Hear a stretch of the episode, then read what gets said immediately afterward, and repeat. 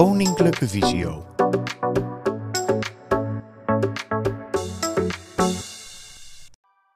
Welkom iedereen. En dan wil ik nu officieel beginnen met uh, onze online bijeenkomst. Hoe blijf ik veilig in de digitale wereld?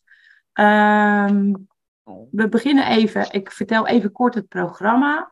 Een korte introductie uh, wat Visio is voor degenen die ons nog niet kennen. En een voorstelrondje van de sprekers. We gaan het hebben over phishing, hacken, een veilig wachtwoord, cookies, veilig wifi, websites en verificatie. Uh, eventueel, uh, ja, we hebben een kleine uitloop en om drie uur willen we afsluiten. Als het uh, nu zo is dat, uh, dat u uh, nog vragen heeft die niet beantwoord zijn, we kunnen altijd kijken of we nog een vervolgsessie kunnen plannen, dat we wat dieper ingaan op de informatie. En anders kunnen we eventueel ook vragen in de mail sturen die u na afloop, afloop krijgt. Um, mijn naam is Yvonne Groenewegen. Ik ben medewerker advies bij Koninklijke Visio. Koninklijke Visio is een expertisecentrum voor slechtziende en blinde mensen.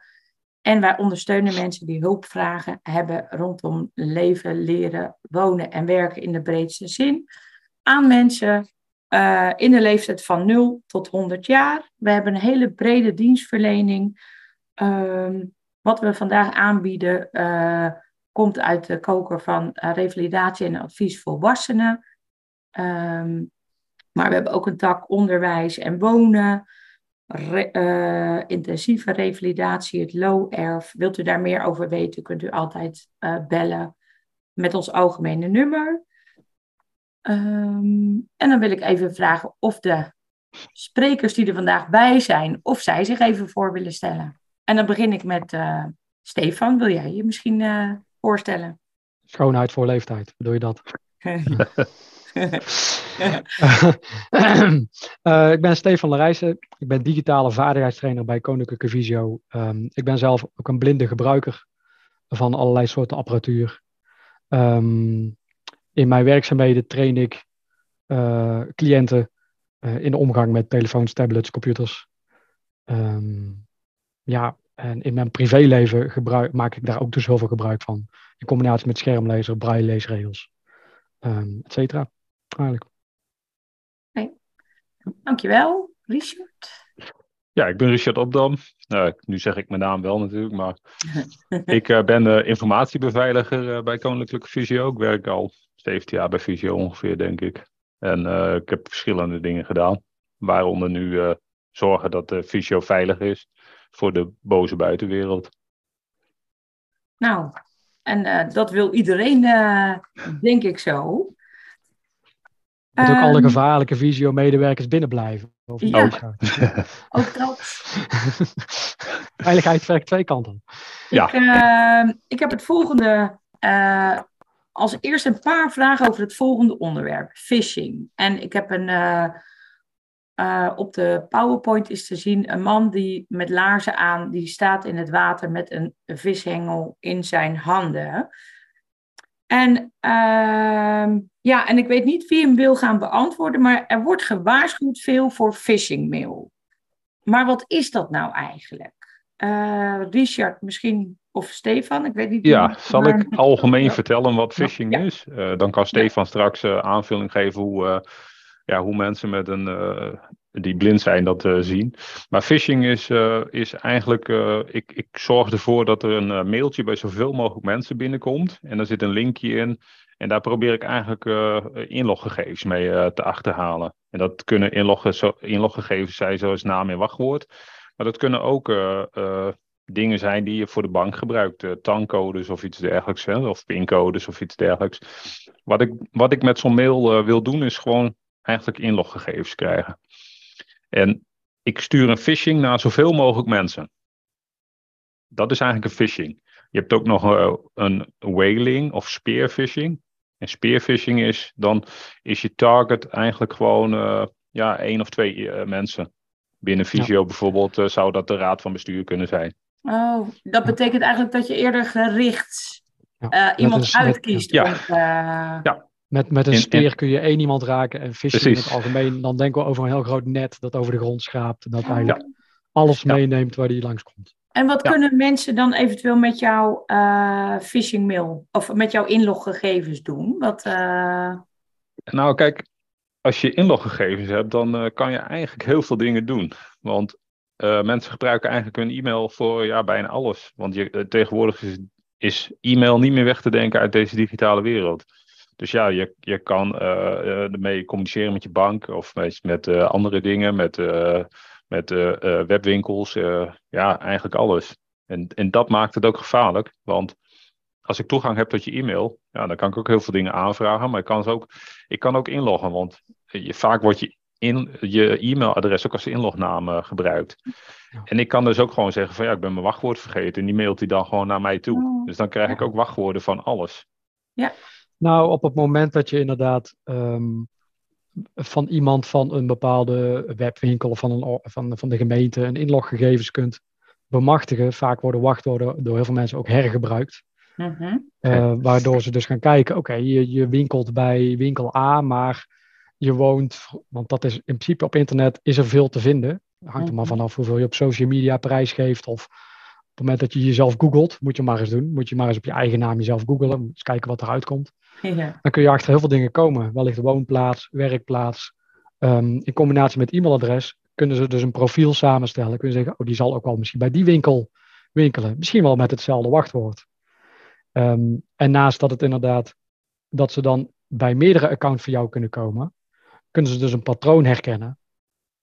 Uh, waardoor ze op een gegeven moment ook kunnen zeggen, nou, we gaan voor jou dingen bestellen, alleen laten we lekker op een ander adres bezorgen. Ja, ja, ja dat gebeurt ook heel veel. Hey, en hoe kun je een uh, phishing mail in je mail herkennen als je je mail leest? Waar moet je dan op letten? En dan ga ik even er voor nu vanuit, zeg maar, als je uh, met visus of... Uh, je nou, je kunt het ook zonder visus, want uiteindelijk waar je op moet letten is vooral twee dingen. Op het moment dat er ergens heel groot gevaar uitstraalt, dus uitroeptekens, iets klinkt heel gevaarlijk, iets leest heel gevaarlijk, met uh, spoed, met nood of met dwang, dan is het vaak al, moet je er heel achterdochtig over zijn, denken van, oh, weet je, leuk haast, maar hoeveel haast moet iets hebben? Um, of iets is te mooi om waar te zijn.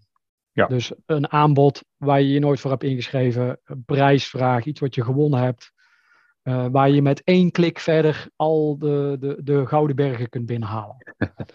Dat zijn eigenlijk de twee meest duidelijke phishing ja. kijk, een phishing mail probeert altijd op je, op je emotie in te spelen. Je moet iets heel snel, iets wordt geblokkeerd. Of uh, de, de, inderdaad, uh, it, it's too good to be true. Je, je, je wint iets waar je eigenlijk nog nooit van gehoord hebt. En het zijn vaak uh, echt hele vage websites die erachter zitten. Vaak, en, en dan ga ik even uit, want ik heb natuurlijk gewoon uh, visus ik kan gewoon normaal zien. Maar vaak als je met je muis over een uh, linkje gaat waar je op moet klikken, dan zie je de originele, dan zie je dus wat erachter zit. En dat zijn vaak hele vage sites die gewoon, ja, die kan je zo met een tooltje kan je die sites maken en die vangen echt alles af. Dus ook de inloggegevens. En die verzamelen ze gewoon heel netjes in de database en die verkopen ze.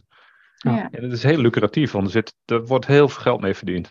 Ja, doe je dat met een schermlezer op een Windows computer kun je op, op de link gaan staan en op een Windows druk je dan op Shift F10 of op de uh, applicatietoets, als die rechts van je, van je toetsenbord zit, dan krijg je dat submenuutje wat je normaal met de rechtermuisknop ziet. En dan kun je daar ook op eigenschappen tonen of dat soort zaken klikken, waardoor je het, de link ziet. En dan kun je al of geruster gesteld worden of achterdochtiger worden. Ja. Ehm, maar eigenlijk, de, de hoofdregel klikt nooit, never, nooit, nimmer, nooit niet op een linkje in de mail. Nee. Zal, ik, ehm, zal ik eens laten zien, zeg maar, jij hebt een uh, schermafbeelding gemaakt, uh, Stefan. Ja. Ehm, en dat is met eh, mail op je telefoon, denk ik. Dat, Was mail, dat was op mijn iPhone. Ik was eigenlijk mijn ongewenste post oh, aan het doorlopen. Ja. Ik bestel zelf heel veel bij een bepaalde webwinkel. Uh, dat zul je er ook direct al zien, dus ik hoef daar niet heel erg uh, geheimzinnig over te doen. Ja, je, um, je, je, je, je ziet zeg maar, ik zal even vertellen wat je ziet. Je ziet zeg maar dat je uh, nou, twee mailtjes hebt gekregen van bol.com. Mm En je hebt een mailtje gekregen van bol.geschenk en een mailtje van no reply at, ja, ja. Het, ja, die ging over airmiles. Dat vond ik ook zo. Denk, Ja, ik heb helemaal niks kort bij daar, weet je. Maar Ja. dat, eigenlijk zijn dus die twee onderste zijn phishing en die twee bovenste, dat zijn bestellingen die ik zelf letterlijk heb geplaatst. Dus dan weet ik op het moment dat ik een bestelling plaats, krijg ik bestelbevestiging en die komt in datzelfde lijstje. Dan denk ik, oké, die, die Ja. kan ik terug eh, halen bij mezelf. ja. Maar die andere twee niet. Dus uit interesse heb ik het ene mailtje geopend, ook omdat we deze webinar hadden. Want normaal zou ik hem eigenlijk gelijk al weg hebben gegooid, omdat het onderwerp alleen al bij mij zo zei van, zal. Ja. Ik, ehm, ik heb niks gewonnen. Ik heb mijn nerf Nee. ja, jammer hè. Ik, eh, jammer, ja- Ja. jammer helaas, pech. Je, Ehm, eh, wa- wat ik nu in beeld heb, en dat is eh, nog de, het een volgende schermafdruk. Ja. Dat, daar staat dan bovenaan bol.geschenk. En dan staat Hm. er als ja, anders staat er een mailadres backup at penturasalgreco.com. Ja. Heeft dus niets met eh, bol.com te maken. heeft Nee, niets met bol.com eh, te eh, maken. Kan ik dat dan zien, zeg maar, dat dat een afzender is die dat mailtje gestuurd heeft? Dat mailadres. Ja, je moet je al afvragen een- of, of diegene eh, het is die het mailtje gestuurd heeft. Hoor. Want dit soort dingen, ik kan eh, op mijn eigen systemen kan ik gewoon binnen, nou ik denk twee, drie minuten kan ik er gewoon een compleet domein opzetten en ook een e-mailadres aankoppelen. Dus dat is Ja. echt heel makkelijk. Oké. Het, het gaat er vooral om als dat, en dan hebben we het over spoofing, maar dat is een volgend onderwerp. Ja, Eh, ook al zou daar staan apenstaartje bol.com, zou ik het nog niet vertrouwen. Hm. Want Nee. ze geven niet zomaar iets weg. Nee. Dat, dat doet geen één winkel. Want ik ga nog Ehm, even naar het volgende scherm, want daar ja. staat inderdaad gereserveerd geschenk voor Stefan Laurijsen. Dus ik heb het Wacht nog niet, op levering. Ja, Ik heb het nog niet, hè? Want ik moet nog één klikje. Ja, Ah, maar en, en dan, daar komt dan het gevaarlijke, want daar staat dan wel bol.com. Ja. Ehm, En dat maakt dat mensen er makkelijk in zouden kunnen trappen, denk ik zo. Ja. Mijn advies als mensen mij zouden bellen op de helpdesk, zeggen ik zit met dit mailtje, of die zouden naar een familielid gaan, familie komt naar mij toe. Wat moet ik hiermee? Ik zeg nou bel bol.com. Ja. Ja. Vraag of ze deze actie hebben. Of Ja. dat überhaupt bestaat. Eerlijk gezegd En zou ik het de- gewoon gelijk weggooien. Ik zou het gelijk weggooien, maar Ja. wil, je, wil je tevreden gesteld worden, want je wil zeker niet iets missen, ja, dan moet je bol.com bellen. En doe dat dan ook niet vanuit de gegevens, vanuit de mail. Ja. Zoek op Google, Nee. Telefoonnummer bol.com. Of zoek in de app van bol.com naar contactgegevens. O- o- ook dat eh, contactgegevens zoeken is ook wel lastig hoor. Want eh, tegenwoordig heb je ook allemaal spoofed websites. En spoofed, Ja. spoofed betekent dat iemand zich voordoet als iemand anders. Dus ik, Ja. ik maak een website en er staat gewoon in Google van... hey, ik ben de Bol website. Maar er Ja. staat een heel andere URL bij. Dus, eh, Ja, dat is ook echt je- een paar minuten te maken. Daar ga je dus dingen. eerst naar de bol.com Ja. website toe. Of naar, mijn advies is vaak altijd pak de app van bol.com. Ja. Als je, als je een smartphone of een tablet hebt en daar heb je rechtsonderin ook meer en krijg, kom je ook bij contactgegevens. Is dat je- veiliger op, je, op een app? Van, nou, Ja. apps worden minder snel nagebouwd. Dat, eh, kijk, eh, dan zal het niet zo snel een bol.com app zijn, maar dan zou het bijvoorbeeld wel een bank app zijn, want daar kunnen ze veel sneller geld mee verdienen. Oké. Nou, Ik zit al in een volgend schermafdruk, eh, want daar staat uw wininformatie is als volgt. Klant Ja. eh, Steven Laurijsen. Ja. Klant-ID, nou dan het mailadres waar ze het naartoe gestuurd hebben. Een datum en een accountnummer. Ja. En dan krijg je hier uw product. Ja, het leuke hiervan is de gegevens, de helft van de gegevens die klopt ook, die er staat. Ja. Nou, dat is omdat ze het A ook naar dat e-mailadres hebben gestuurd. Mijn naam klopt. Ja, Dus dat neigt ook al heel erg. Oh, ze weten wie ik ben. Oh, het zal wel goed zijn. Nee. nee. Ehm, ehm, dat iemand mij bij mijn naam kent, wil niet zeggen dat ik hem bij mij thuis uitnodig. nee. Dit- Dit, dit zijn ook gegevens die gewoon eh, eh, van social media afgehaald worden. Kijk, Ja. eh, er zijn gewoon open source tooltjes. Die doen gewoon een zoekopdracht op alle social media. Je hoeft alleen maar in te tikken van, nou, wie is visio.org of zoiets. En dan krijg je Ja. gewoon iedereen die wat gedeeld heeft of wat, eh, wat met visio.org op, eh, bijvoorbeeld op de website heeft staan, ja, die, die, die vind je. Ja. Ja, want Ja, en- dit, dit, en- dit- maar dit is dus zo'n mooi voorbeeld van, oké, dit dit, dit speelt op je emotie. Ja. Ehm, eh, deze informatie kunnen ze dus vinden omdat ze daarna zoeken. Die informatie zetten ze in een mail. Dus spelen ze inderdaad ook nog op je veiligheidsgevoel. Nou is dit een prijsvraag of dit is iets die je, dat je zou hebben gewonnen. Maar stel, dit is een mailtje van, de, de, de, uh, van het waterschap. Je water wordt afgesloten, want je hebt niet de juiste uh, ja. cijfers doorgegeven. je, je, je, krijgt geen energietoeslag, want je hebt niet voldaan aan, maar corrigeer het hier.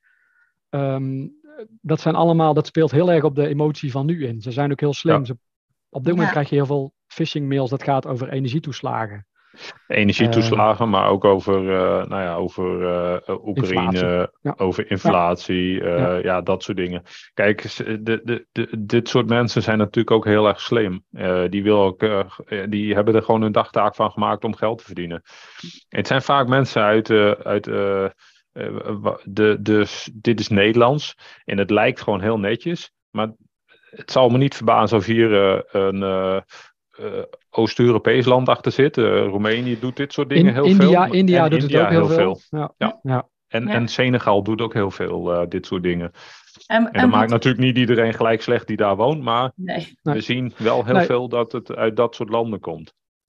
Ja, en wat jullie zeiden van als iets te mooi is om waar te zijn, hè? want er staat er ook, krijg hier uw product. Nou, dan zou je daar al op kunnen klikken. Maar er staat ook, we hopen dat u binnenkort uw product zult kiezen, omdat de voorraden beperkt zijn. Dus je moet snel reageren. Ja, ja, ja emotie. En, ja, en dan doen ze daaronder nog, u ontvangt deze e-mail als klant of omdat u zich heeft aangemeld voor onze nieuwsbrief. En dan kan je ook nog een linkje waar je je kunt afmelden. Dus ja, eigenlijk... zelfs het afmelden zou ik hier niet nee. aantikken. Nee, Nee. Want dan zeggen ze waarschijnlijk, oh, u wilt afmelden, wat jammer, maar vul hier uw gegevens ja. in en dan zorgen we dat u dat niet meer krijgt. Ja, ja. Oftewel... ja dit, soort dit soort gegevens die zijn gewoon uh, uh, een keer uh, met een hack of iets dergelijks achterhaald. Hè? Dus het e-mailadres en klantnaam en voor, achternaam. Weet je, daaraan kan je zien of het komt van een social media actie of het komt van een hack met, waar gegevens bekend ge ja. geworden zijn. En, en dat zijn gewoon echt best wel veel. Hè? Kijk, het is mijn uh, werk, maar ik zie gewoon uh, uh, de laatste jaar zijn er denk ik nou, vier of vijf echt hele grote hacks geweest. Facebook is ook gehackt. weet je wel, dat soort organisaties worden gewoon gehackt. En daardoor daar krijg je dit soort gegevens uit. Maar wat is dan eigenlijk, ja, ik, ik loop misschien al voor, want ik wilde eigenlijk nog een, geluidsfragment laten horen. Ja. Maar maar omdat je het nu over hacken hebt, denk ik van, wat is hacken eigenlijk? uh, digitaal inbreken. Ja, eigenlijk is ja. hetzelfde als uh, gewoon, dit is digitaal inbreken. En kijk, vroeger was het uh, heel gewoonlijk dat mensen via een, via, nou, dat ze de firewall gingen hacken. Daar noemen ze het ook hacken. Tegenwoordig is het gewoon phishing. Ik denk van de, wat wij binnen zien komen, hè, we, we krijgen bij Visio ongeveer 12 miljoen mailtjes per jaar. En ik denk dat daar uh, nou een kleine 10 miljoen is uh, gewoon echt rommel. Dat gaat al direct weg. En uh, nou ja, daar zitten natuurlijk phishing mails tussen, maar er zit ook spam tussen en dat soort dingen. Maar het zijn allemaal, allemaal adressen die gewoon niet te vertrouwen zijn. Dus dat, dat gaat al weg. Dus dan ja, kan je zien hoe groot het probleem helpen. is. Wat misschien al wel kan helpen, is dat ik vaak mijn cliënt ook even de, de, de woorden erbij pak en die even vertaal. Bijvoorbeeld een firewall, waar Richard het over hebt. Dan zeg ik altijd een vuurdeur. Dat is een deur die ja. gevaarlijk gevaar buiten houdt. Het hacking, het hakken met een bijl door die deur, probeer je binnen te komen. Ja. Um, uh, spam, nou weet ik niet wat de precieze vertaling in het Engels van spam is, maar... Rommel. Ik, rommel, inderdaad. Weet je, zooi, ja. troep. Um, op het moment dat je mensen gaat uitleggen, een firewall, ja, wat is dat nou? Wat is nou een beveiliging, een firewall? Dat is eigenlijk je vuurdeur. Dat is, dat is een anti-vuur. Dat is, zorgt ervoor dat je huis niet gelijk in de fik vliegt. vliegt. Dat, is, de, dat is het product wat je, wat je tussen je, je dat, waar je je internettoegang hebt, daar heb je je ja. firewall. Ja. En is het dan zeg maar dat uh, bedrijven vaak firewalls hebben? Want ik heb wel eens ja. ik kreeg wel eens bericht dat bijvoorbeeld bij de postcode loterij mijn gegevens uh, dat, ja, uh, dat, die doorge, dat, ja, dat iemand ingebroken had, als het ware, zeg maar, uh, bij de database en uh, dus gegevens hadden. Is dat hacken eigenlijk? En, ja, ja.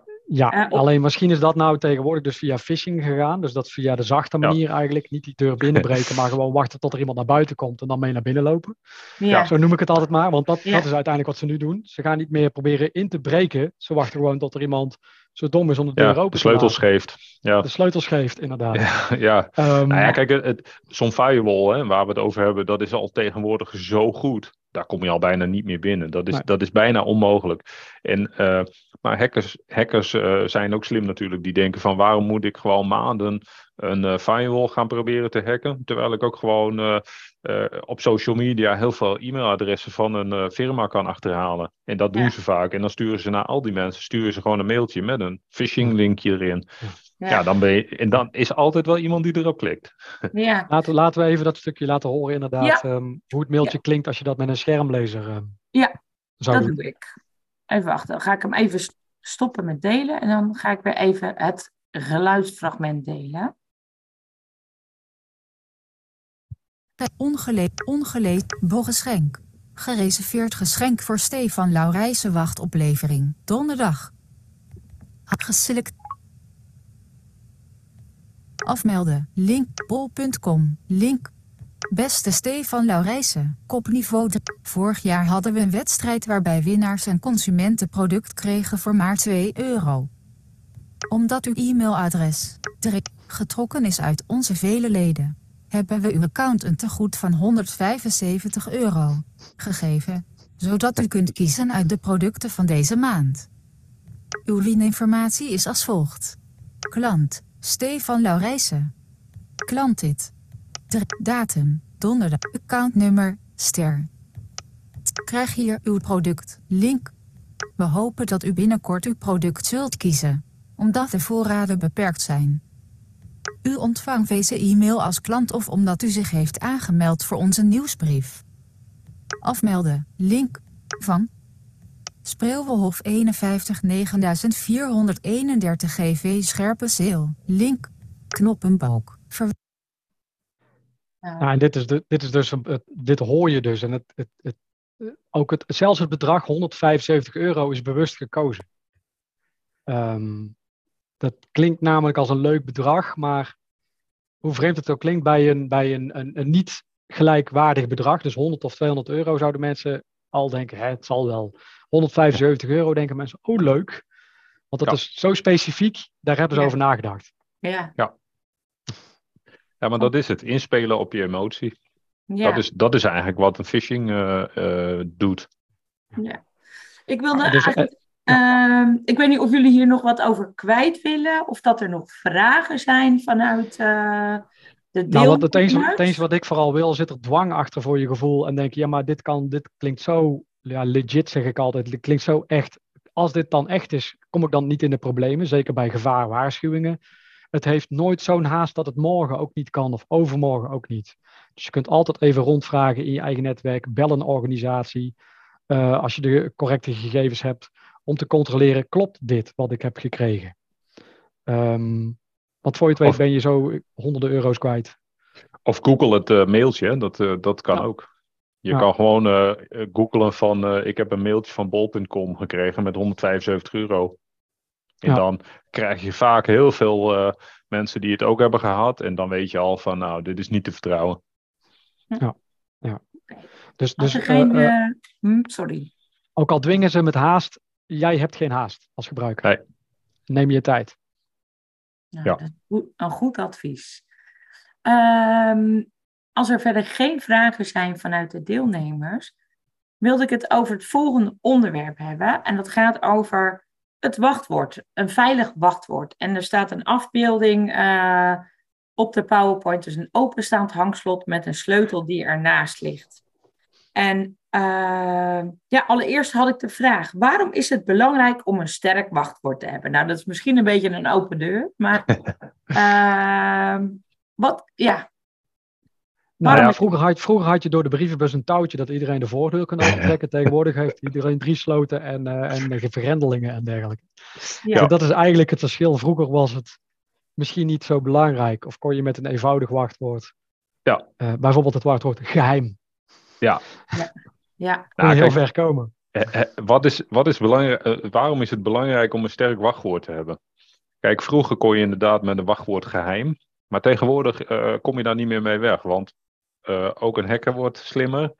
En eh, die eh, hebben gewoon toeltjes. En die ratelen gewoon een hele database met wachtwoordjes en namen en dat soort dingen erdoor.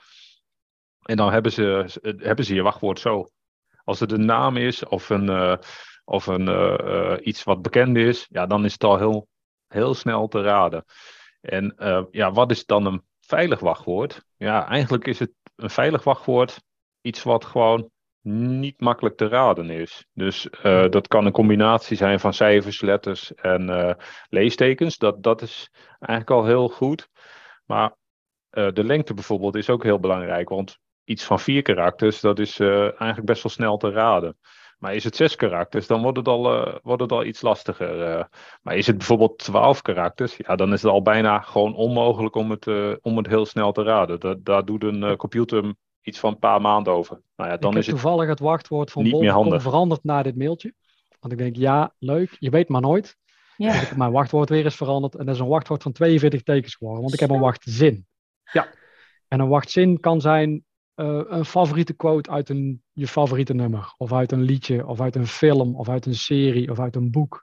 Iets wat je makkelijk kunt onthouden. Misschien iets wat je ook alle dagen roept tegen een partner, kinderen, ouders, uh, verzin maar iets. Um, maar dan wordt het ook weer snel geraden, hè, als je het vaker mm. roept. Ja, oké, je moet het misschien niet, maar je moet het ook niet online gaan roepen. Je moet er geen filmpje van maken. Juist. Iets wat je makkelijk kunt onthouden in combinatie met, nou, ik zou bijvoorbeeld nooit je geboortejaar pakken. Nee. Maar jouw, ik, ik, nou noem ik iets, uh, je, de datum dat je je eerste date hebt gehad met je eerste liefde, terwijl je daar al lang niet meer mee bent, ja, dat, dat weet niemand, weet je. Of dat moet dan ook, ook weer ergens op Facebook staan met uh, grote uitroeptekens. Dus iets wat niet bekend is, is heel lastig te raden. Ja, nou ja, een wachtwoordzin is, is iets wat uh, gewoon heel goed is. En, uh, maar gebruikt ook hoofdletters en cijfers ja. in, leestekens in bijvoorbeeld. Want dat maakt het zoveel complexer.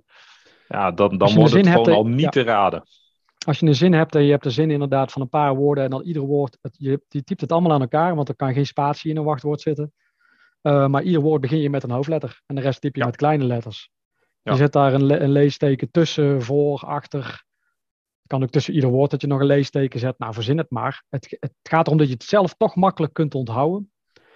Ja. Zo niet. En je hebt zoveel verschillende websites en zoveel verschillende diensten dat je denkt, ja, ik kan niet overal hetzelfde wachtwoord voor gebruiken. Ik wil verschillende wachtwoorden, maar wel sterke wachtwoorden. En dan komen we eigenlijk gelijk op het volgende. Dat is inderdaad een wachtwoordmanager. Ja, want, want, uh, want dat vind ik inderdaad. Hoe onthoud je nou al die verschillende wachtwoorden? Ja, in een, in een geel memootje achter op de ijskast. Toch? of verraad ik nou iets? Laten we dat nou niet doen. Laten we dat nou niet doen. Of een geel memootje op je monitorbeeldscherm. Wat heel veel mensen op kantoor af en toe nog wel eens doen. Ja, ja. Ook, ook, ook dat komen we bij Visio nog wel eens tegen, maar uh, dat, uh, daar gaan we heel snel vanaf.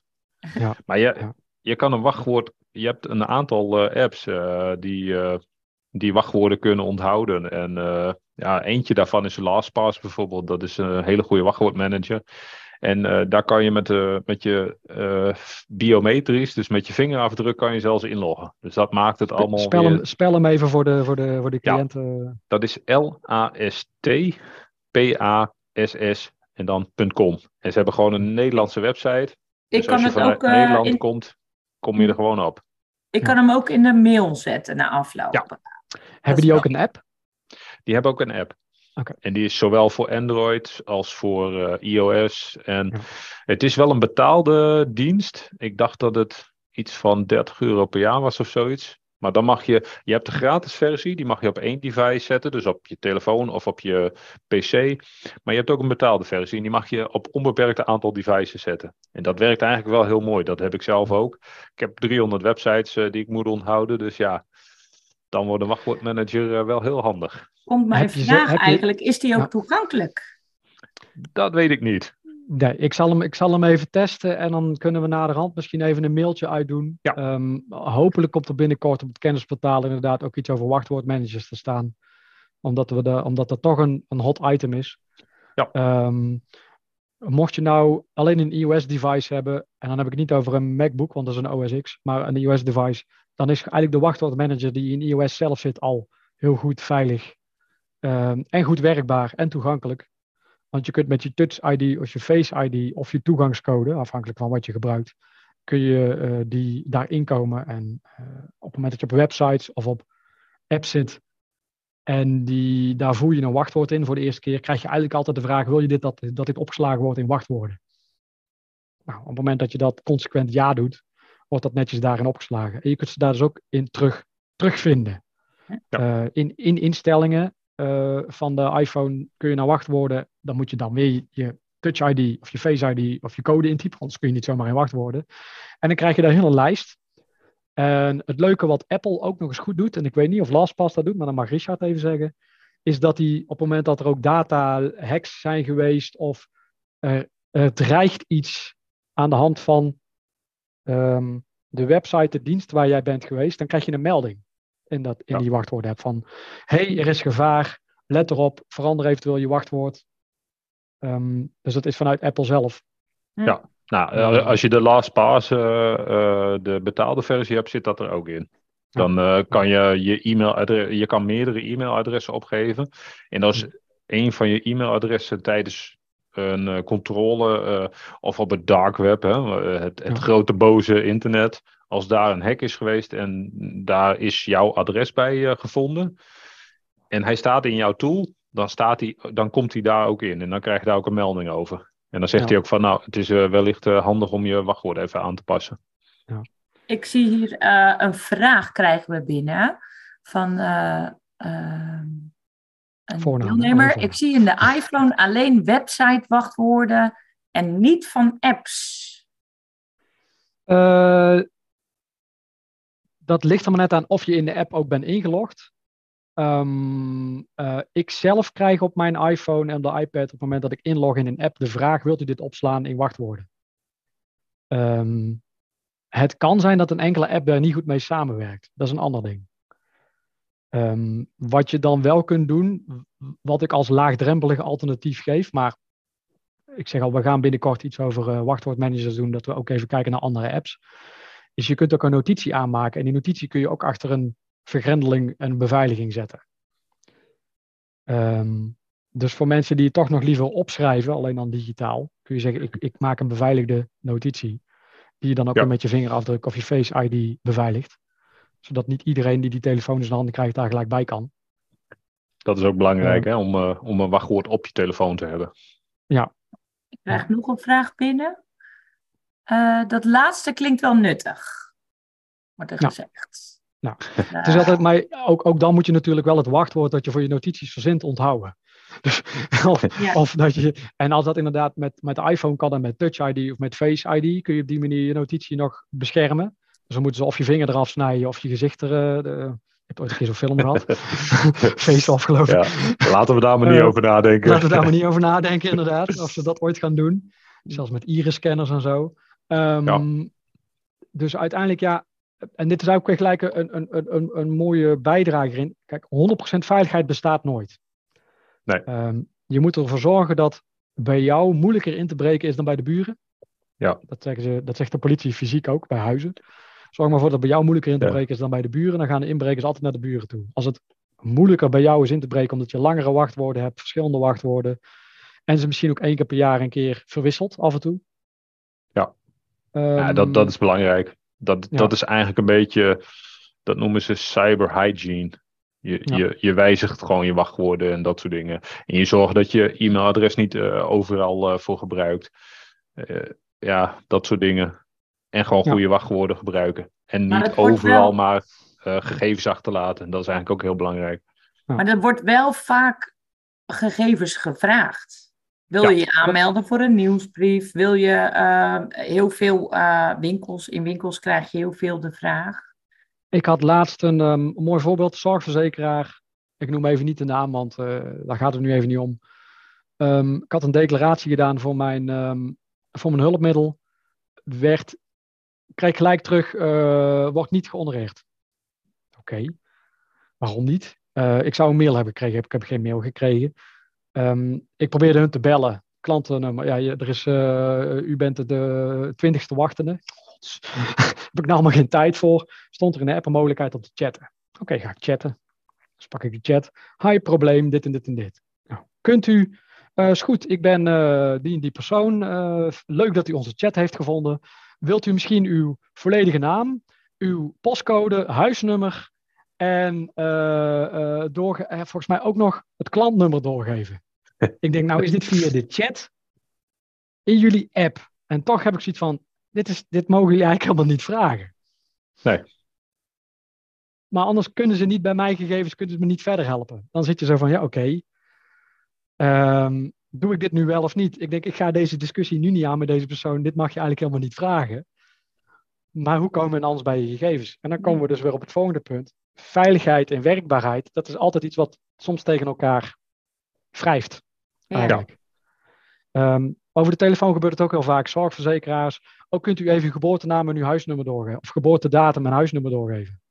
Nee, eigenlijk niet. Nee, maar het wordt altijd gevraagd, ook bij de bank. Het wordt altijd gevraagd, ja. ja. Het wordt gevraagd, inderdaad. En het, dat Dan zijn, komen, komen we ook gelijk op het tweede gedeelte, hè? want dat is eigenlijk de tweetrapsverificatie. Want zij willen ja. verifiëren met wie zij uh, het gesprek voeren. Ja. En uh, ja, dan vragen ze dus additionele informatie. Ja. en eigenlijk, de, de mooiste oplossing, maar die is er nog niet, zou ik eigenlijk, omdat ik al in die app zit, zou ik in die app een melding moeten krijgen. hey, er probeert iemand in jouw gegevens te komen op jouw verzoek. Met je Touch ID kun jij bevestigen dat dit de juiste persoon Weet je, dat je zelf ook nog eens een extra bevestiging zou moeten geven. Ja. ja. Daar maak je het wel wat onwerkbaarder mee. Maar als dat met Touch ID of Face ID of andere dingen is, dan hoef je niet daar nog eens naar een code te gaan lopen zoeken. Ja. Nee. Uh, dus het is altijd een balans. Um, maar op het moment dat er. Ja, kijk, nou heb ik zelf contact opgezocht met die zorgverzekeraar. Dat is in de chat in hun app. Dus ergens ga ik dan zeggen: Oké, dit, ja, ik, ik, ik ben achterdochtig, maar ja, dit vertrouw ik wel. Dit is hun, dit is hun app. De, de chat in hun app. Kan die chat gekaapt worden? Ja, dan word je heel panisch als je dat gaat nadenken. Dus denk, ja, ja, dat dit kan wel, maar dat is vrij lastig, hè? Dit is vrij lastig, inderdaad. Dus het is, ja. het is niet zomaar dat dat kan gebeuren. Dus kun je met een gerust hart je gegevens geven? Um, je kunt op je hoede je gegevens geven. Ik weet niet of het ja. met een gerust hart is. Ja. Op het moment dat ze hun spontaan zouden bellen zonder dat ik enig verzoek heb gedaan en ze gaan vragen om die gegevens, nooit geven. Nee. Want dat kan, dan weet jij niet wie je aan de lijn hebt. Nee. Kijk, als je zelf belt, weet je wie je aan de lijn hebt. Um, even gezien de tijd, uh, ga ik even ja. de volgende vraag. Uh, Richard noemde het al even. Wat is een tweetrapsverificatie? Is dat slim om dat te gebruiken als je um, ja, je opgeeft, zeg maar? Uh, ja, eigenlijk wel. Kijk, uh, tweetrapsverificatie of multi.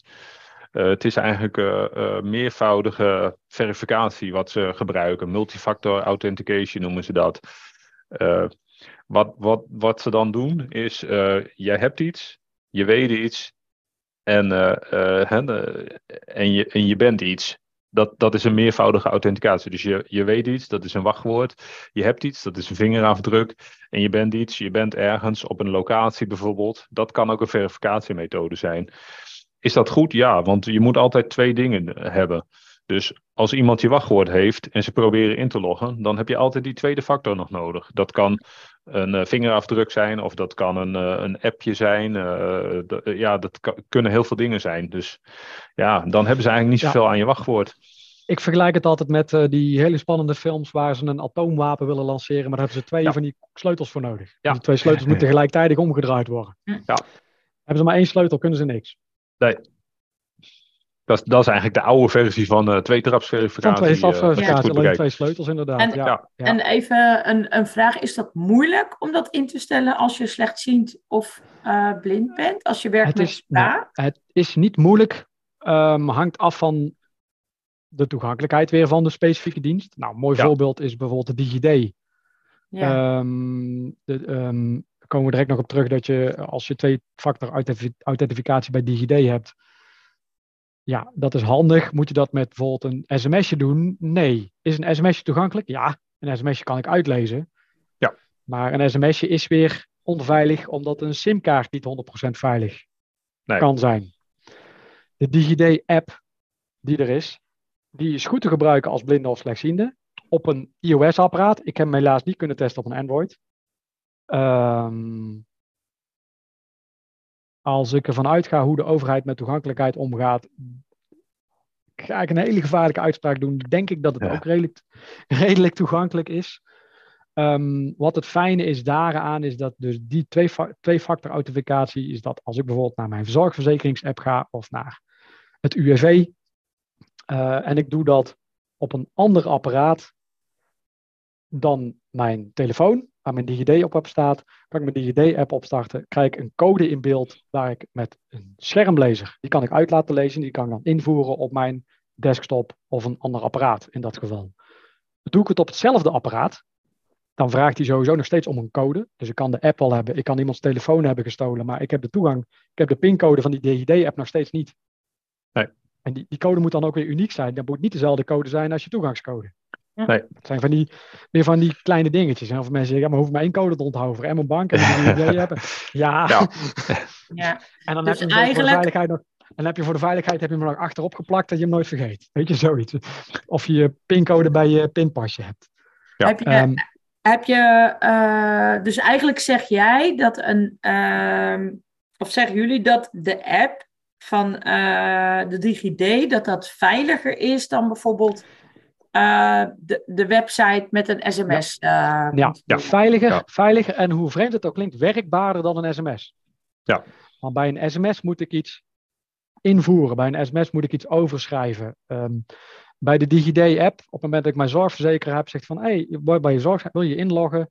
Zeg ik ja, dan dubbeltik ik als voice-over gebruiker. En dan vraag ik, okay, hoe wil je inloggen? Met de DigiD-app?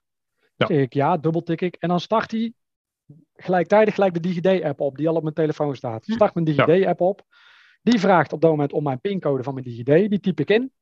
Vervolgens zegt hij, oké, je bent ingelogd, wil je nu aanmelden? Ga ik weer naar rechts met mijn schermlezer. En dan zeg ik, ja, ik wil nu aanmelden. Ga terug naar die app. En vervolgens opent hij die andere app weer en ben ik ingelogd. Ik hoef verder niks meer in te typen. Ik hoef geen gebruikersnamen meer te gebruiken. Dus hoe vreemd het ook klinkt, we hebben het net gehad over werkbaarheid. Dat veiligheid en werkbaarheid niet altijd samengaan. Maar juist met mhm. zo'n voorbeeld als het DigiD-app maakt het het juist veel werkbaarder. Ja. Ik krijg een vraag. Uh, heb je tips om je camera goed te richten op het scherm? Ik vind dat best lastig, zegt uh, een deelnemer. Als je een QR-code moet scannen bijvoorbeeld? Of, um, um, um, ik, ik, denk dat, dat een QR-code wordt bedoeld, maar dat, uh, dat wordt niet aangegeven. Misschien kan diegene dat nog even ja, je hebt soms dat je, je hebt, volgens mij, ik ja, weet niet, het gaat met een, een QR-code. De vraag ja, is. Het gaat om de. Ja, wat je, wat je kunt doen is. Maar daar zit natuurlijk bij een QR-code, bij, bij bepaalde veiligheidsdingen zit ook een tijdslimiet aan. Dus je hebt niet onbeperkte tijd om die QR-code te scannen. Ik, weet niet wat precies de tijdslimiet uh, is. Maar je kunt altijd een andere app gebruiken, zoals Seeing Eye, die ook QR-codes kan scannen. Um, wat doet Seeing Eye? Die geeft namelijk een piepje als die QR-code goed in beeld is. En die begint steeds sneller te piepen. Dan kan hij die QR-code wel niet herkennen. Maar het gaat er mij om. Oké, hij piept zo erg. Dan, en dan voel ik letterlijk zelf van, oké, op het scherm staat die QR-code dus daar ergens. Oké, die staat daar. Dan open ik de app waar ik de QR-code daar terwijl ik me moet scannen. En dan richt ik weer op dezelfde plek. De meeste QR-codes. Um, nou, een ander voorbeeld. Uh, ik krijg nog wel eens een Accept Giro binnen. Ja, ze bestaan nog. daar zitten tegenwoordig ook QR-codes op. Als ik die met mijn bankieren-app scan, in iedere bankieren-app zit een QR-code, scan ik die, nou, ik hoef niet eens goed te richten en hij herkent hem al. Ja. Ik, ik krijg nog een vraag, maar wat is de ideale afstand van telefoon tot scherm? Uh, dat hangt af van of je uh, scherm wel of niet reflecteert. Dat hangt er vanaf ja. hoe, hoe nauwkeurig die bepaalde app die QR-code in beeld wil hebben. Dus er is geen zin Ja, de banken-apps, dat gaat vrij snel. Ja, de banken-apps die zijn er heel goed in. Ja. Um, de, de, ik pak even iets anders, de Albert Heijn of de Jumbo-apps, waarmee je een, een, een, een streepjescode kunt scannen, zijn er ook heel goed in. Piep, ja. pakt hem gelijk eigenlijk bijna. Maar er zullen vast wel zeker apps zijn die precies in beeld willen hebben. Dus ja, uh, en, en dan moet je dus niet, ook niet onderschatten dat een, een schitterend scherm, oftewel een, een scherm dat glanst, kan ook nog eens roet in het eten gooien. Ja, ja die uh, glimt en dan gaat dat weer uh, niet helemaal goed. Nee, nee. Dus uh, um, uiteindelijk wat je het beste kunt doen is dit, en dat is een rot, rot advies vaak, is het het één keer goed doen met een goed zinde, die met je samen meekijkt, waardoor je dus, als het een handeling is op een website die je vaak moet doen, stel je moet het één keer per jaar doen, ga je dit nooit onthouden, Stel je moet het wekelijks of maandelijks doen bij diezelfde site, of op datzelfde scherm, of op diezelfde plek. Ja, dan is het natuurlijk handig dat je er een bepaalde routine in, in krijgt. Ja, dat er dan een keer iemand meekijkt om jouw advies te geven. Hoe ver of dichtbij moet je hem houden? Maar het hangt enorm af van hoe die website eruit ziet, welke dienst, welke app. Ook hoe groot de QR-code is. Hè? Soms uh, is die heel groot en soms is die heel klein. Ja, ja. Dus even, terugkomend, ja, even heel kort terugkomend over veiligheid. Want we hebben het over veiligheid. Een QR-code van een Accept Giro scannen is niet ongevaarlijk. Is ook niet gevaarlijk, want je krijgt altijd eerst uitleg over waar je, wat je gaat bevestigen. Dus ik scan een code. Zelfs als ik het in mijn bank-app doe. Je zegt, oké, je wilt deze overschrijving maken naar deze ontvanger, dit bedrag. En dan kan ik op uh, doorgaan of betalen dubbeltikken. En dan moet ik alsnog mijn code, mijn vingerafdruk geven om uiteindelijk de betaling te bevestigen. Ja. Volgens mij krijg ik zelfs eerst, eerst het scherm van wat ik gescand heb.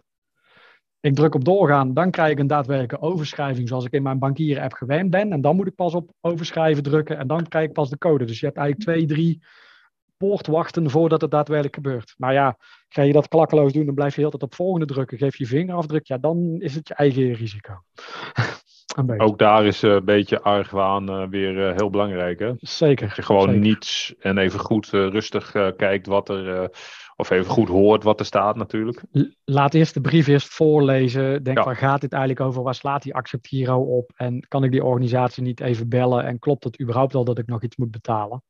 Ja. Um, ik, dus, ik, ik kreeg trouwens nog een vraag binnen, maar die, de vraag is niet helemaal helder. Dus uh, misschien degene die de vraag gesteld had, ging over Android Blind. Mm -hmm. Um, maar de vraag is me niet he heel helder. Als, die, als uh, degene die die vraag heeft gesteld uh, het fijner vindt om met een microfoon de vraag te stellen, is dat ook goed. Dan ehm, misschien dat dat aangegeven kan worden. Maar dan komen we er later nog even op terug. Ja. ja. Um, wat is identiteitsfraude eigenlijk? Ja, identiteitsfraude. Uh, ja, dat is eigenlijk. Stel, ik zou uh, identiteitsfraude plegen, dan zou ik bijvoorbeeld zeggen van ik ben uh, Stefan Laurussen. En je kan alle gegevens op internet vinden en ik kan me gewoon voordoen als iemand anders. En dat is dan, ja, dat is identiteitsfraude. En dat wordt ja. vaak geprobeerd, ja, je, je, probeert iemand over te nemen en je probeert daardoor bijvoorbeeld een lening of, of producten te bestellen. En ja, dat laat Tele je gewoon aan jezelf toe. Ja, telefoonabonnementen worden zo heel veel. Ja. ja. ja. En wat kan er ook makkelijk identiteitsfraude via social media, zoals Facebook, Instagram, LinkedIn, Twitter, plaatsvinden? Dat, ja, ook dat hangt er vanaf welke gegevens je op die social media hebt gezet. Ja. Mijn tip is vaak altijd lieg op die sites. Ja. Uh, oftewel, je bent nooit zo oud als je daarop staat. Je geboortedatum klopt niet. Nee. Misschien zelfs je geslacht niet. Want ja, als dat, en dat moet je dan ook overal consequent doen. Hè? Dus je bent dan overal een jaar jonger en een dag ouder of zo. Weet je, zoiets. Ja. Of, ge of gewoon niet invullen. Hè? Dat, uh, gewoon dat kan niet ook. invullen, inderdaad. Dat ja. kan nog. Dat kan tegenwoordig ook, geloof ik, inderdaad. Ja. Niet invullen. Um, maar een mooi voorbeeld hoe het op social media kan dat als ik het nu vertel, dat er heel veel mensen zouden zeggen: hoe dom kun je zijn? Maar je hebt net je rijbewijs. Ja, nou zal dat voor onze doelgroep niet zo erg gelden. Ja. Maar je hebt net je rijbewijs. En yeah, met ik heb een foto van mijn rijbewijs. Of ja. een nog leukere, en dit is werkelijk waar gebeurd. Ik heb mijn eerste creditcard. Ja. En dat dan mensen vragen: kun je ook de achterkant laten zien? Want er, daar ja. staat letterlijk een veiligheidscode op de achterkant. Dan heb je die ook, kun je dus met die creditcard betalen. Want je hebt alleen de cijfers nodig. Ja, die er op nou de creditcard dat, dat, dat, is dus een stukje fraude. Ja. ja. paspoorten, rijbewijzen, creditcards. Maak daar geen... Leuk dat je hem hebt. Um, geen foto's Leuk dat je het maken. meldt. Nooit een foto van maken. Nee. nee. Um, ik ga even door met het andere wachtwoord. Of uh, andere wachtwoord. uh, het volgende onderwerp. Uh, de volgende sheet uh, is een bord met daarop verschillende koekjes om op te eten. Dat is een afbeelding die erop staat. Uh, wat zijn cookies eigenlijk? Ja, cookies zijn. Digitaal, hè? Ja, cookies zijn eigenlijk uh, uh, kleine datapakketjes uh, wat op jouw computer komt, zodat ze bepaalde instellingen kunnen bewaren. Zodat ze weten als jij weer komt op, de, op dezelfde site, dat ze precies mm-hmm. weten dat jij het bent. En nou, het, het, kan soms zelfs zo ver gaan dat ze weten dat je inloggegevens erin zitten. Is dat veilig? Niet altijd. Want cookies kunnen ook, ook door hackers gebruikt worden. Dus een, een standaard cookie ja, kan je gewoon accepteren. Als dat al kan. Want ik hoorde van Steven dat het wel lastig is. Maar ja, je kan gewoon op oké klikken en dan krijg je een cookie dat je op de site geweest bent. Maar log je bijvoorbeeld in, in je e-mail in, dan krijg je ook een cookie. En dan staat erbij, wil je ingelogd blijven? Als je dat vinkje aanzet, dan houdt hij ook je voor een bepaalde tijd je inloggegevens. En die kunnen ze wel stelen. En dan, die kunnen ze gewoon op een andere computer zetten. En dan zitten ze eigenlijk in jezelfde, in je, in je, in je e-mailaccount. Dus ja, ja, daar moet je heel voorzichtig mee zijn.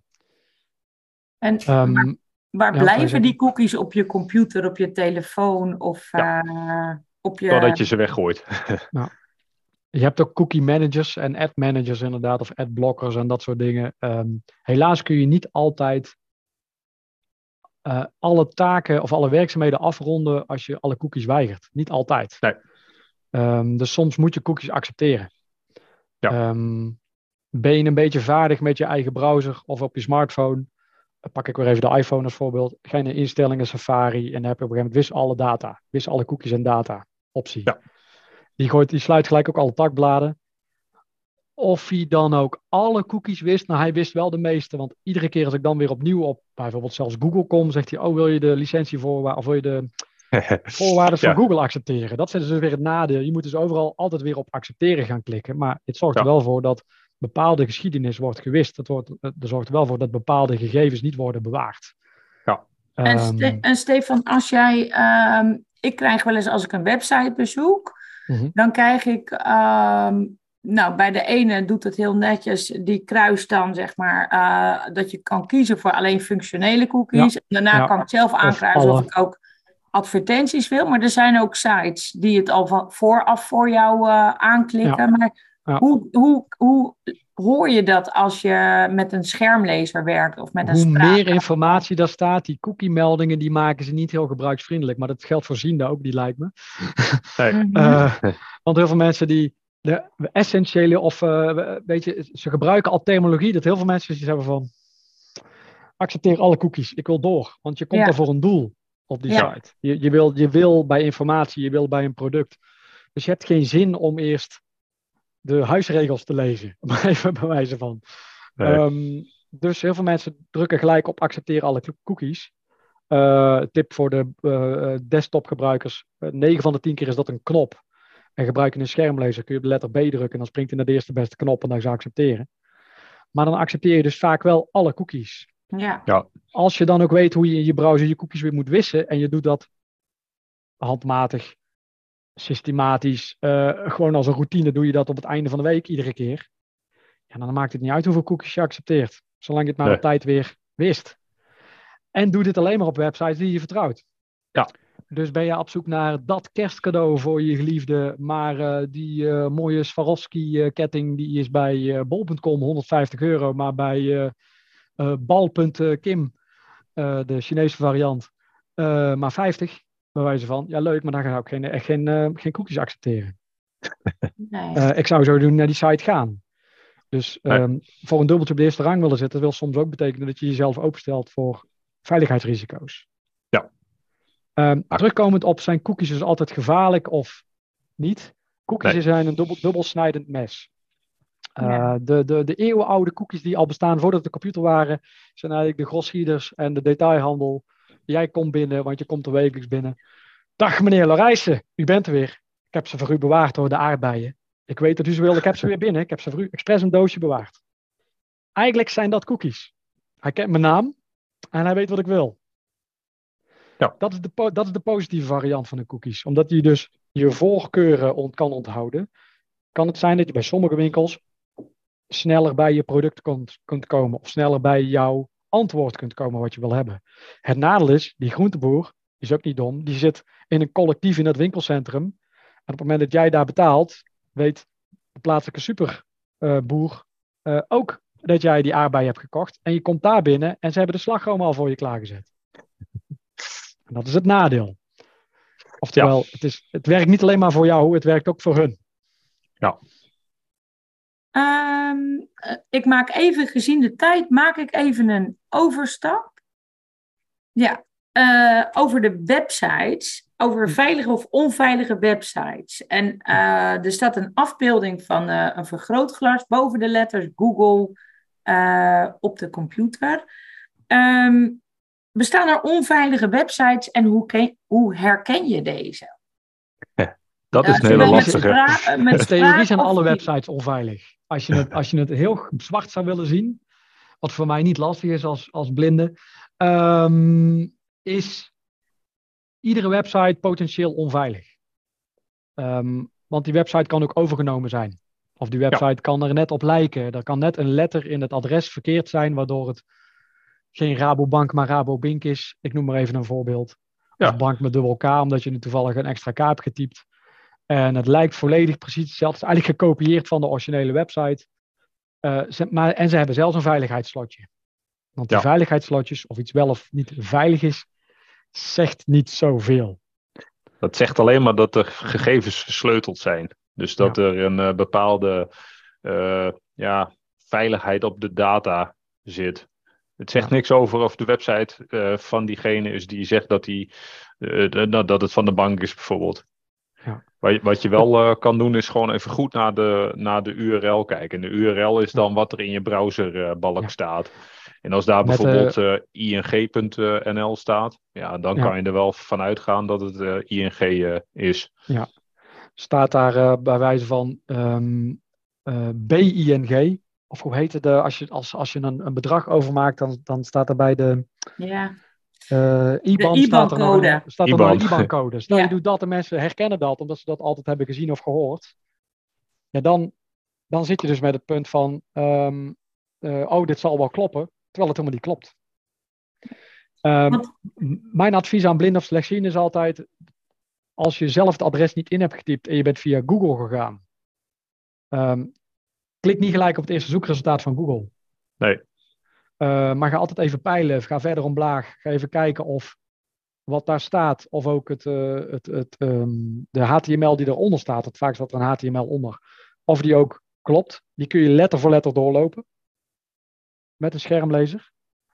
Um, nou, gaat dat over een website waar je een mooi vogelhuisje kunt bouwen, is dat niet zo relevant. Gaat het over je bank, is het wel degelijk ja. cruciaal.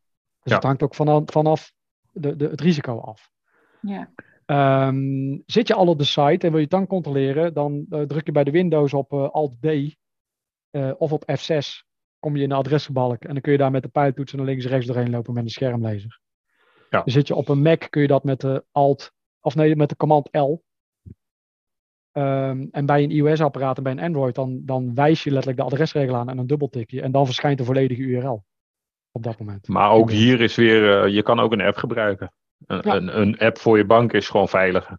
Ja, ja. Want een URL, is dat, uh, want bij bankzaken werd er altijd op gelet om te letten dat de website begon met een slotje en HTTPS. Is dat een URL? Ja. Uh, nee, dat, dat is een heel stukje technisch. Maar oh. het, het, slotje betekent dat de gegevens versleuteld zijn. Dus dat het, dat het veilig is wat er over de lijn gaat. Tussen -hmm. aanhalingstekens, want je weet nog niet naar welke site je gaat. Maar stel je zou naar de bank toe gaan en het is jouw bank. Dan versleutelt die, versleutelt die de gegevens uh, tussen jouw computer en de bank. Dus dan is dat stukje veilig. Oké. Okay. Dus dan gaan, het, uh, daar gaan wachtwoorden en dergelijke overheen. Ja, en die kunnen ja. ze niet lezen. Nee. Uh, en een app doet dat nog veiliger. Een app die gaat eigenlijk om de browser heen. Die maakt, maakt geen gebruik van een browser. Ze kunnen wel een nee. browser weergave hebben. Maar een app die heeft eigenlijk, ik zeg altijd, een soort directe verbinding met de bank. Uh, of een veiligere, versleutelde verbinding. Um, waardoor, mocht er dus iets met je browser aan de hand zijn, vooral op je desktop, maar ook op je, op je mobile device, Um, dan omzeilt hij die. Dus dan het risicofactor wat een browser kan hebben, die, heeft met, die heb je met een app vaak niet. Nee. En, en een URL is. Ja, die afkorting heb ik ooit geweten. Ja, maar dat, ik is, bedoel, dat is het linkje. Dus, oh, mensen, mensen, een, een link is uh, een URL. Dat, dat is uh, uh, waar je naartoe gaat. Een ja, URL een kan, is een... is een soort straatnaam van waar ja. iets zit. Oké, oké. Okay. Ja. Ben ik nog even benieuwd, want um, en daarna moeten we denk ik in de afronding, maar ja. Uh, soms krijg je op een website de vraag om op een plaatje aan te geven hoeveel stoplichten er zijn. Uh, waarom wordt dit gevraagd en waarom moet je bewijzen dat je geen robot bent? En hoe kun je dit doen als je slechtziend of blind bent? Ben je een fanatieke gokker en je, je doet heel veel bij uh, overheid, goksinstellingen, staatsloterij, van dat soort dingen, moet je dit ook doen. Maar ook bij heel veel andere aanmeldingen, zoals bij, ik heb ooit een keer een hotelboeking, dat ik moest aangeven dat ik geen robot was. Dat doen ze eigenlijk omdat computers uh, of, of, of, hackers of mensen, die, die kunnen allemaal nep-accounts aanmaken, die kunnen nep-boekingen maken. Uh, dat ja. doen ze allemaal automatisch. Niemand gaat daar meer zitten typen, dat gebeurt allemaal automatisch. Ja. Alleen een computer kan dus niet. Vroeger, vroeger was het nog lastig, had je van die rare tekentjes die je moest overtypen van welke letters staan hier nu? Tegenwoordig is uh, herken de vijf stoplichten of de vijf uh, Engelse bussen of dat soort zaken. Of ja. klik deze dingen aan. En dat is eigenlijk om te bewijzen dat jij geen robot bent, want een computer kan, kan daar niks mee. Nee. Bij, en dat moet die site hebben aangezet, want niet iedere site heeft het, maar heb je een site uh, die dat vraagt, is er vaak ook een optie, vraag een auditieve uitdaging. Uh, en als je daar naartoe tapt of naartoe pelt met je, met je pijltoets en je drukt dan op de enter of je dubbeltikt op je scherm, want op een, op een mobile device het ook, krijg je een geluidsopname, of nee, krijg je de mogelijkheid om op play-knopje te drukken. Daar kom je gelijk met je concentratie, met je focus van je schermlezer op. En naast dat play-knopje staat een tekstveld. Dubbeltik ik op die play-knop, gaat hij een geluidsfragment afspelen. Dan hoor je een gedeelte van de zin, niet het begin, niet het einde, maar een gedeelte van de zin. En de volledige woorden die je hoort, zijn meestal drie, vier of zijn vijf korte woorden, zeg ik altijd. Die moet je typen in het tekstveld om te bewijzen dat jij geen robot bent. Hm. Heb je het geluidsfragment gehoord en denk je, ik kan hier geen kaas van eten. Ik kan hier helemaal niks van maken. Kun je altijd de volgende uitdaging vragen. En nog een volgende en nog een volgende. Volgens mij kan het bijna oneindig. Totdat je een stuk tekst hoort dat je wel kunt plaatsen. En dan moet je dat kunnen typen. Ben je slecht in typen? Heb je geen toetsenbord? Kun je slecht typen op het scherm? Um, ben je niet goed met een schermlezer, is dit heel lastig. Want de focus kan ook wel eens verspringen. Um, daar zit wel een tijdslimiet aan nadat je het hebt beluisterd. Hoe snel je het moet invullen. Nou, tijdslimiet is volgens mij twee minuten. Dus je denkt, al oh, twee minuten is, is tijd zat. Maar dat gaat redelijk snel voorbij als je met een, onder bepaalde tijdsdruk moet typen. Dus ja. het is te doen voor mensen met een visuele beperking. Ze vragen nu nog een auditieve uitdaging. Apple heeft het al zover in de nieuwe iOS 16 dat ze dit ook moet. Dit moet de website of de dienst weer aanvinken. Dat je dit voortaan kunt doen gewoon met de vingerafdruk of de Face ID. Dus dat ja. de, jouw Apple ID eigenlijk de verificatie is dat jij geen robot bent. Nou, de ontwikkelingen gaan wel steeds verder daarin. Je ziet, hm. in het begin waren, waren het uh, die woorden, het, ze noemen het CAPTCHA-code. Zo ja. noemen ze dat. En uh, je hebt nu de versie 2 en ik denk dat uh, wat Apple gaat bedenken is versie 3 of 4. En je ziet dat het wat gaat verdwijnen vanaf websites. Er komen alternatieven voor die, die beter worden. Ja. ja.